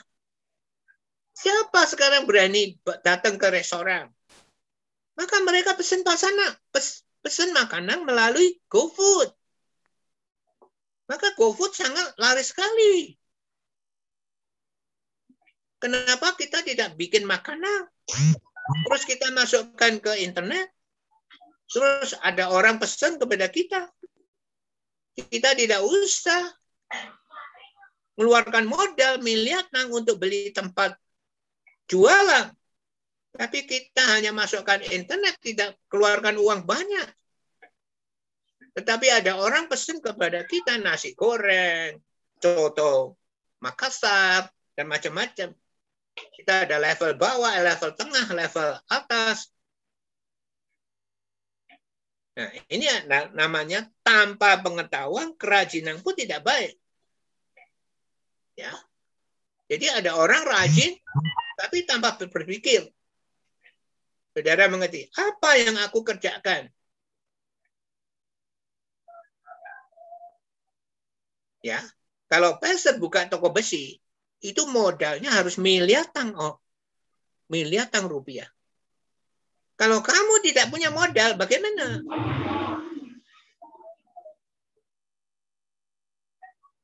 Maka jika kamu buka lotek, modalnya cuma sayur. Sayur tuh berapa? Sayur bayam, sayur kangkung. Hai Ibu Sri Sutantina, mahalkah sayur kangkung, sayur bayam, kopis, ya, kacang panjang, tokolang, ya. Apakah itu mahal? Bumbunya adalah bumbu kacang sama gula itu pun sudah ada orang yang jualan tinggal di diulek kasih air campur jadi lotek dah. Apakah itu sampai sepuluh ribu Tiga. Mungkin dia pokoknya cuma tiga ribu atau empat ribu. Tetapi dijual delapan ribu. Pokoknya tiga ribu, untung lima ribu.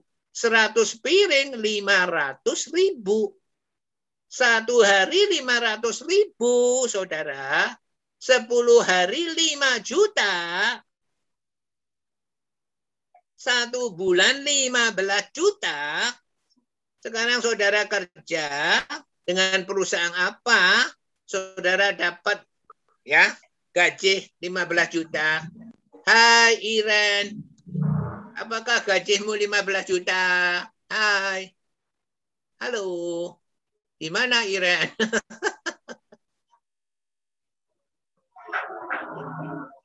Halo. saudara akan marah sama peser saudara. Kok dari dulu khotbahnya lotek. Bukan soal lotek. Lotek itu lebih baik daripada jualan balok goreng itu tenan. Jualan balok goreng itu kalau telo ketelanya tidak baik, jadinya tidak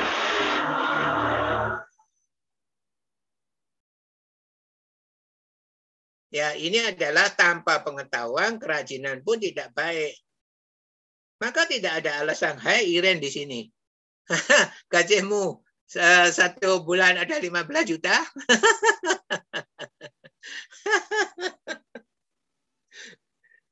Kalau saya, aku jual otak.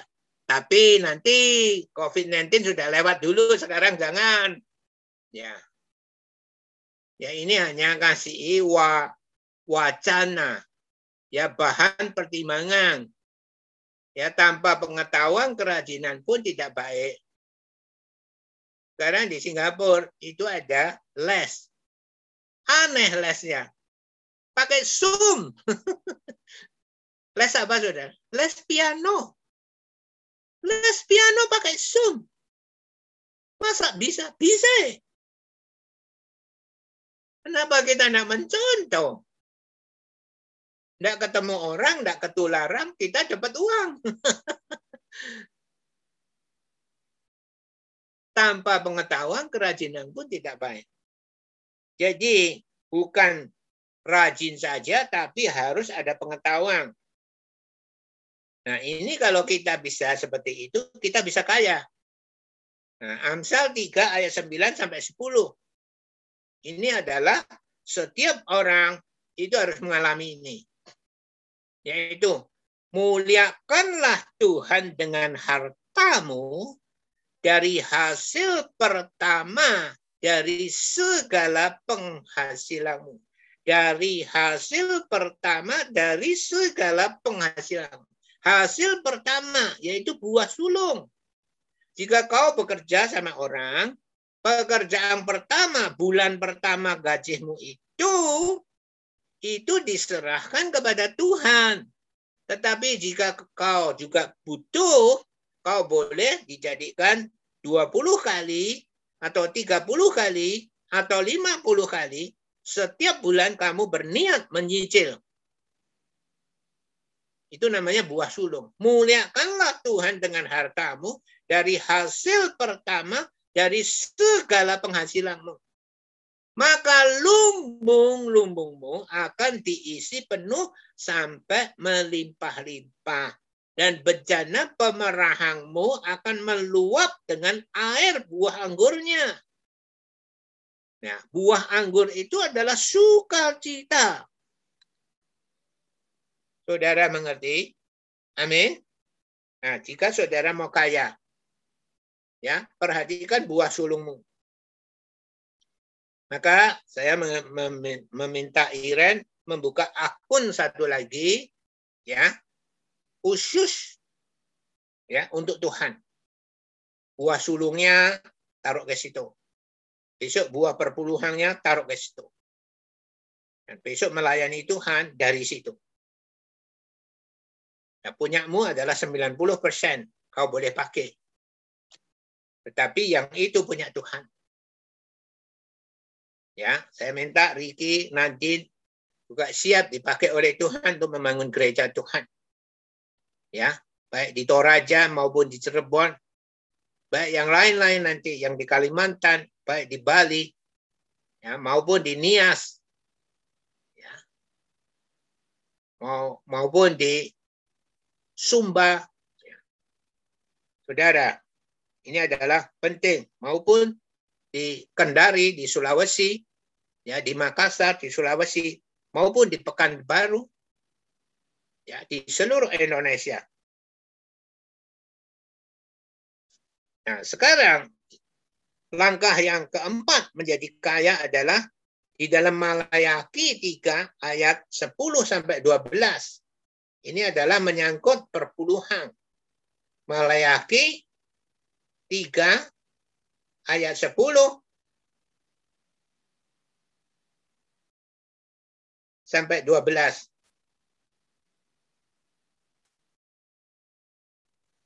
Tuhan berfirman kepada kita, bawalah seluruh persembahan persepuluhan itu ke dalam rumah perbendaraan supaya ada persediaan makanan di rumahku Tuhan, dan ujilah aku Tuhan, firman Tuhan semesta Allah, alam, apakah aku Tuhan tidak membukakan bagimu tingkap-tingkap langit dan mencurahkan berkat kepadamu sampai berkelimpahan bawalah seluruh persembahan perpuluhanmu ke rumah perbendaraan.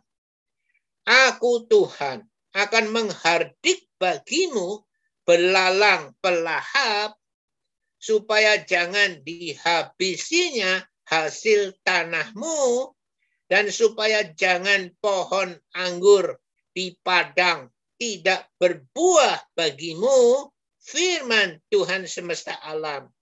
Maka segala bangsa akan menyebut kamu berbahagia sebab kamu ini akan menjadi negeri kesukaan. Firman Tuhan semesta alam. Kalau kita mau membayar perpuluhan, karena itu bukan punya kita, punya Tuhan. Jadi saudara memperhatikan Amsal 10 ayat 4, Amsal 19 ayat 2, Amsal 3 ayat 9 dan 10, buah sulung, dan Malayaki 3 ayat 10 sampai 12, perpuluhan, percaya.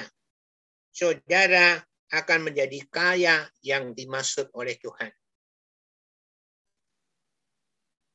Saya percaya Iren kalau kau taat, kau besok akan bawa kinclong-kinclong yang lebih kinclong daripada punya pastor. Tapi itu juga bertahun-tahun tidak bisa segera. Butuh puluhan tahun. Maukah Iren? Haleluya. Ya saya sebut Iren karena hanya sebagai contoh saja untuk muda-muda yang lain. Kalau sebut satu persatu tidak cukup waktunya. Ini adalah salah satu contoh ya ya supaya kita jangan salah paham bahwa kekayaan itu adalah keinginan Tuhan. Ya, kekayaan menambah banyak sahabat, tetapi orang miskin ditinggalkan sahabatnya. Jangan salah paham lagi, jangan salah mengartikan. Ya, Matius 19 ayat 24 tentang orang kaya muda itu sulit masuk dalam kerajaan surga itu bukan yang Tuhan Yesus maksudkan adalah bahwa orang kaya muda itu masih ya sangat sangat terikat oleh kekayaannya. Ia tidak mau meninggalkan kekayaannya baru Sang Yesus suruh dia meninggalkan kekayaannya. Tetapi jika saudara adalah kaya, tetapi saudara terus mau dipakai oleh Tuhan kekayaan saudara untuk memperluas kerajaan Tuhan, nggak mungkin ya Tuhan suruh saudara menjual kekayaan saudara untuk dibagikan kepada orang-orang miskin. Ya tidak, saudara. Jangan salah paham ya maka dengarkan khotbah ekspositori jangan mengambil satu ayat terus mensalah artikan tetapi pada waktu Yesus mengatakan pada Matius 19 ayat 24 itu itu pada saat seperti apa di dalam keadaan seperti apa Yesus berkata seperti itu itu adalah khotbah ekspositori ya ini adalah contoh ya tentang kekayaan. Karena ini adalah keinginan Tuhan. Ya, bukannya saudara, wah, kenapa pastor saudara suruh saya kaya terus? Ya. Coba seperti Ibu Sri Sultan Tina. Saya pernah makan bakmi gorengnya enak sekali.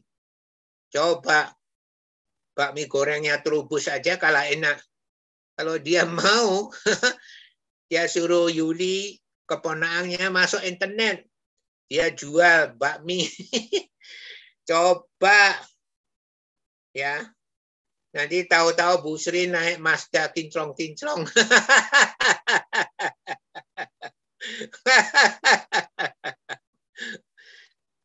Coba kalau semua orang melihat saudara adalah seperti itu. Nama Tuhan dipermuliakan tidak. Saudara menjadi garam dan terang. Ya, amin. Tetapi kalau saudara tidak mau berpikir, ya, seperti Iren sekarang masih berpikir, jualan lotak lebih bagus untuk saudara kerja. Maka jika Iren mau bekerja, terus maju sampai kau menjadi CEO dari perusahaan itu. Nah, gajimu bisa 20, 30, 40 juta. Ya, itu cucuk. Itu cucuk. Ya, saudara mengerti? Kerjalah menjadi pemimpin yang tertinggi. Maka gajimu cukup banyak. Ya, amin. Kalau saudara menjadi kecil-kecilan, ya saudara.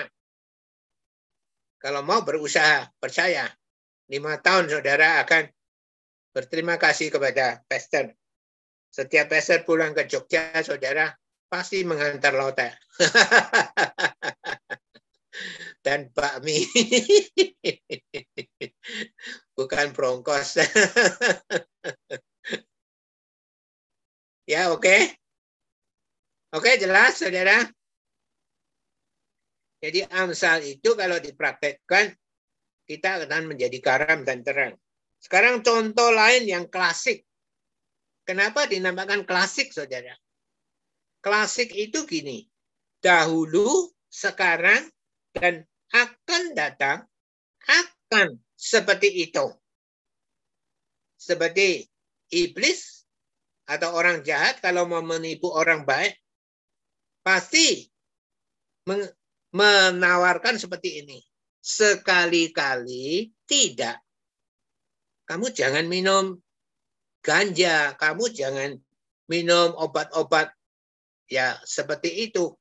Tapi sekali-sekali kamu tidak apa-apa. Kamu harus mencoba. Nah, ini namanya sekali-kali. Nah, ini adalah klasik. Dahulu, sekarang, dan yang akan datang kalau orang jahat mau menjerumuskan orang ke jalan yang jahat, dia akan mengatakan sekali-kali. Ini yang dinamakan klasik. Saudara mengerti? Demikian contoh lain yang klasik itu ya seperti apa? Ya, di dalam Amsal 31 ayat 30 karena saudara banyak anak muda, anak mudi. Maka pastor tetap masuk ke sini. Karena saudara sekarang mendengarkan, tidak mendengarkan lagi, saudara lupa lagi. Di Amsal 31 ayat 30. Kemolekan adalah bohong. Dan kecantikan adalah sia-sia. Tetapi istri yang takut akan Tuhan dipuji-puji. Ini adalah klasik. Istri yang takut akan Tuhan dipuji-puji itu menurut Tuhan. Tapi menurut dunia tidak. Kemolekan. Ha. Uhu. Ya, saudara mengerti? Kecantikan. Wih, wih. Saudara mengerti? Amin. Tapi menurut Tuhan adalah istri yang takut akan Tuhan dipuji-puji. Jadi sekarang kita mencari pacar atau mencari istri. Kalau menurut Tuhan, cari istri yang takut akan Tuhan. Ya, amin. Tetapi kau mau terus menasihati orang seorang laki-laki sampai kau menghabiskan ya semua air yang di dalam tubuhmu, ya tetap no. Kemolekan, itu yang saya cari. Kecantikan, itu yang saya cari. Itu namanya klasik saja. Dahulu, sekarang, dan selamanya juga akan seperti itu.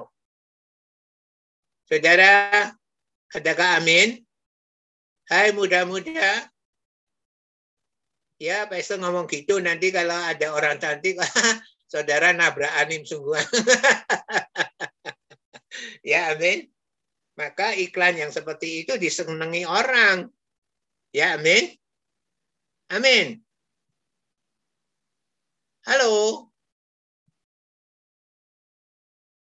Di mana muda-muda ini? Ya, amin. Maka saudara, ya di sini disebut di Amsal 19 ayat 14. Ini contoh ya. Contoh adalah di dalam Amsal. Rumah dan harta adalah warisan nenek moyang. Saudara setuju nggak? Rumah dan harta adalah warisan nenek moyang. Ya warisan nenek moyang kalau tidak rumah, ya harta. Bukankah seperti itu? Amin. Rumah dan harta adalah warisan nenek moyang. Tetapi istri yang berakal budi adalah karunia Tuhan. Jadi kalau kamu mempunyai istri yang berakal budi, yaitu yang mempunyai hikmat kemampuan Tuhan, yang takut akan Tuhan, yang berakal budi, itu adalah karunia Tuhan. Tidak semua orang dapat. Ya, di dunia ini kalau ada orang yang mendapat istri yang berakal budi, oh, itu adalah karunia Tuhan. Itu bukan warisan nenek moyang. Saudara, terserah saudara. Ya, amin. Nah, maka istri itu adalah sangat penting sekali. Jadi prinsipnya adalah bahwa mengerti jati diri sendiri, ya baik perempuan maupun laki-laki, itu adalah penting mengerti jati dirinya sendiri. Perempuan harus mengerti jatinya diri sendiri, laki-laki juga harus mengerti jati dirinya sendiri. Nah, apakah kita bisa melewati firman Tuhan ini?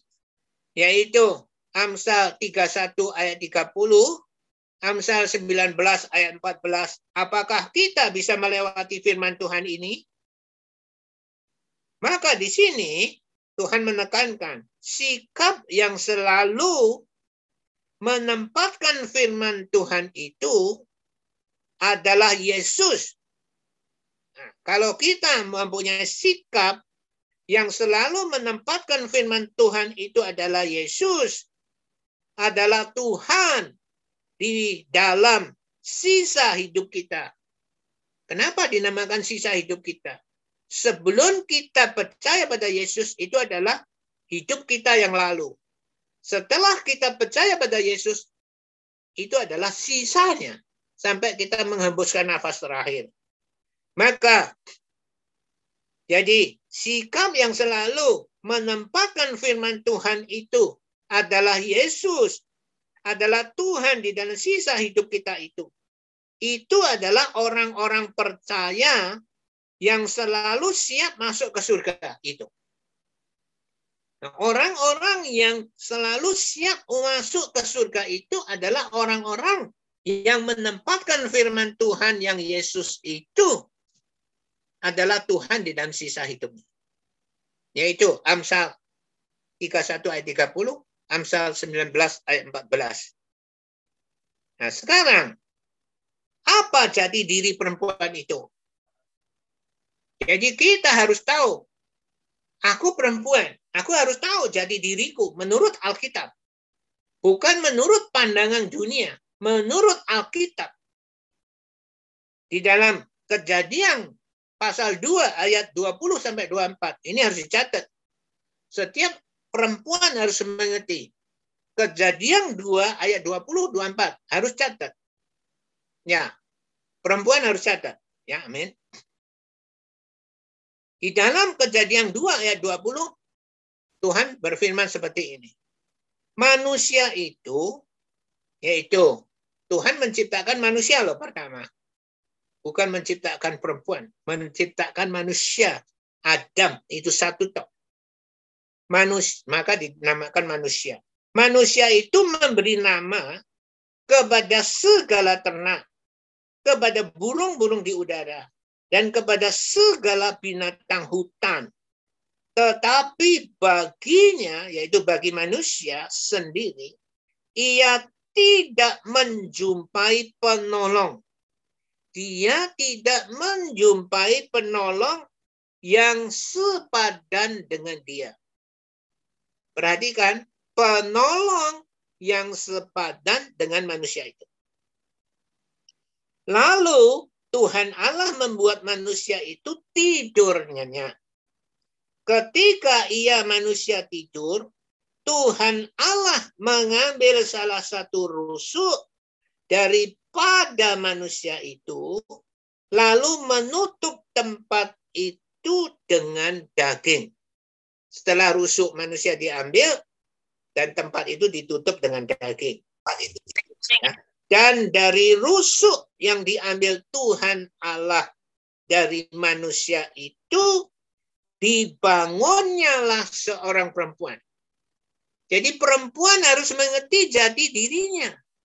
Ya, dari dari rusuk yang diambil Tuhan Allah dari manusia itu dibangunnya lah seorang perempuan. Lalu dibawa Tuhan kepada manusia itu. Lalu berkatalah manusia itu, inilah dia, tulang dari tulangku dan daging dari dagingku. Ia akan dinamai perempuan sebab ia diambil dari laki-laki. Jadi perempuan diciptakan oleh Tuhan dari tulang rusuk laki-laki. Bukan diciptakan dari debu dan tanah. Perhatikan, Perempuan diciptakan oleh Tuhan dari tulang rusuk laki-laki, bukan diciptakan dari debu dan tanah. Adakah amin? Yang amin boleh angkat tangan. Ya. Tugasnya, tugas perempuan adalah sebagai penolong laki-laki. Yang setuju angkat tangan. Ya, menurut firman Tuhan, yang setuju angkat tangan. Tugas perempuan adalah sebagai penolong laki-laki. Maka sebagai perempuan yang bijak, perempuan yang bijak, yang mempunyai kemampuan Tuhan, pilihlah seorang laki-laki yang mau melakukan kehendak Tuhan. Seorang laki-laki yang yang mau melakukan kehendak Tuhan. Barulah perempuan itu bahagia. Tetapi jika perempuan itu tidak memilih laki-laki yang melakukan kehendak Tuhan, dia tidak akan bahagia. Jika perempuan itu tetap ngotot mau menjadi seorang ratu, ya ini yang dinamakan klasik. Semua cerita roman, ya cerita itu, semua sinetron, semua film-film, semua menekankan keratuan seorang cantik. Dan tidak ada satu film yang pakai perempuan yang tidak cantik. Saya tidak percaya. Pasti pakai perempuan yang cantik. Pakai perempuan yang montok, yang molek. Adakah amin? Amin? Ini adalah klasik, saudara. Ya, jadi jika perempuan itu tetap ngotot mau menjadi seorang ratu, bukan penolong, ya, maka apa yang terjadi? Ya, jika jika perempuan itu tetap ngotot mau jadi seorang ratu seperti dunia nyata, dunia nyata yang ajarkan itu, maka pastilah kandas pernikahan itu. Entah kapan akan terjadi. Pastor dengan ibu Dulu tidak percaya. Saya milih yang cantik. Ya, ibu memilih yang ganteng. Ya, sekarang nggak ganteng lah. Tapi dulu ganteng loh, oke? Okay? Seperti Ellen Talent. Kecelek ibu. Setelah menikah hampir 22 tahun, 1996, bulan Juni, habis kesabarannya mau memecahkan kepalanya di televisi untuk bunuh diri. Kapok kau. Ya amin. Tetapi jika milih seorang laki-laki yang mau melakukan kehendak Tuhan, tidak akan seperti itu. Saudara mengerti? Sekarang pastor bisa marah, tapi karena kebenaran Tuhan. Tapi kalau dulu marah karena keegoisan. Saudara mengerti, perbedaannya di sini. Marah surgawi dan marah duniawi. Ya, ini adalah uh, nasihat bagi ya perempuan-perempuan yang ada di grup ini. Jadi saudara harus sadar jati diri saudara.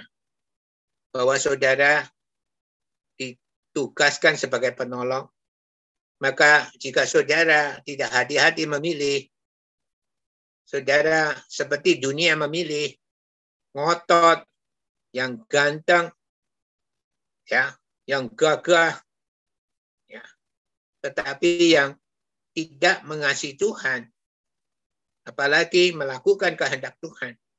Dan saudara pilih, percaya, pada satu saat akan kandas di tengah jalan.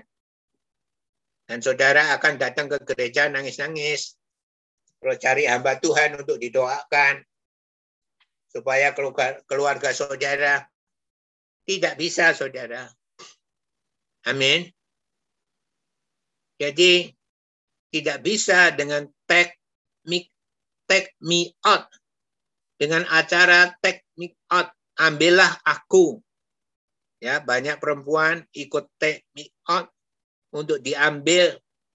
Ya, seorang kaya, seorang percaya, tidak langgeng, pasti akan kandas. Tetapi yang benar adalah di dalam bersama-sama berjalan di dalam tubuh Kristus ini, saudara akan mengerti. Ya.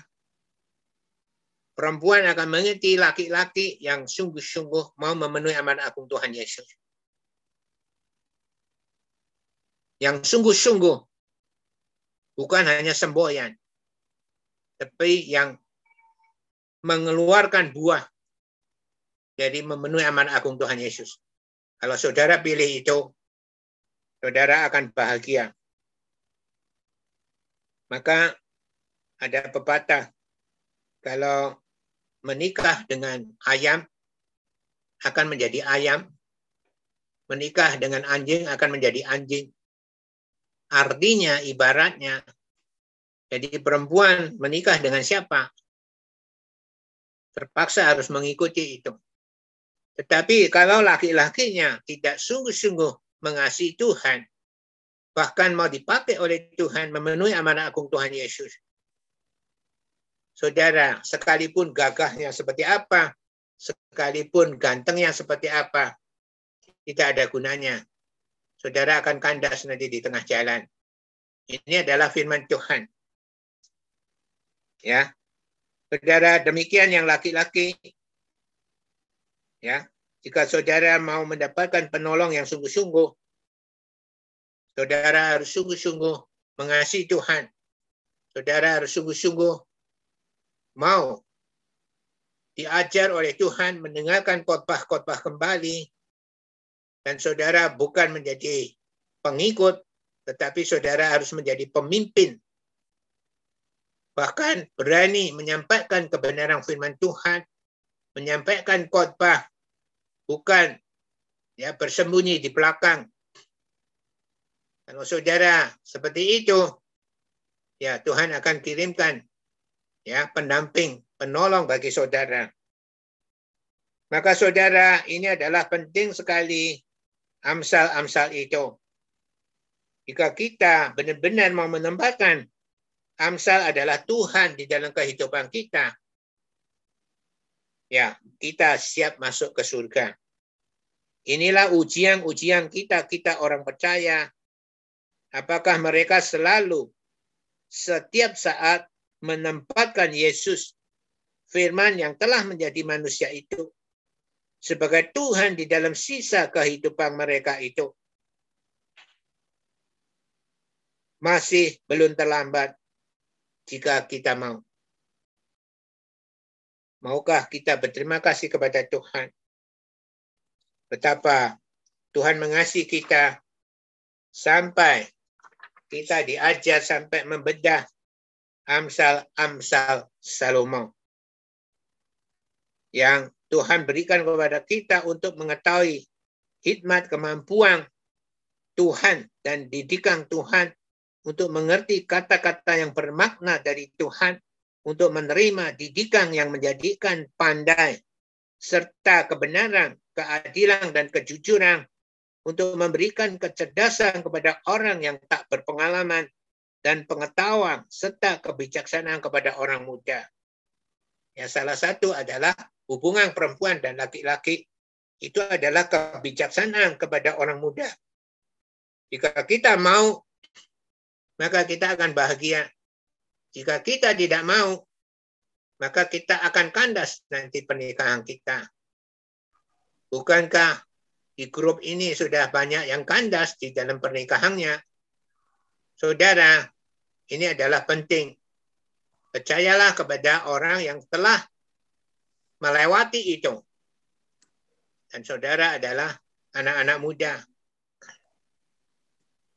Jadi, sebagai perempuan siap menjadi penolong tetapi bukan siap menjadi ratu yang ingin disanjung. Dan jangan salah pilih, jangan cepat-cepat pilih. Ya, tunggu waktunya Tuhan. Sabar sampai virus corona ini ya bisa diatasi di dunia ini sampai ibadah bisa normal kembali kegiatan saudara bisa kembali ya dan muda-mudi bisa berkumpul kembali dan akan tambah banyak muda-mudi berkumpul dan saudara baru bisa menentukan siapa yang saudara pilih dan yang tidak saudara pilih. Jangan sekarang ini. Sekarang untuk membenahi kita, benar-benar kita paham apa kehendak Tuhan. Moga kita benar-benar menempatkan Amsal Amsal Salomo sebagai Tuhan Yesus yang memimpin sisa hidup kita.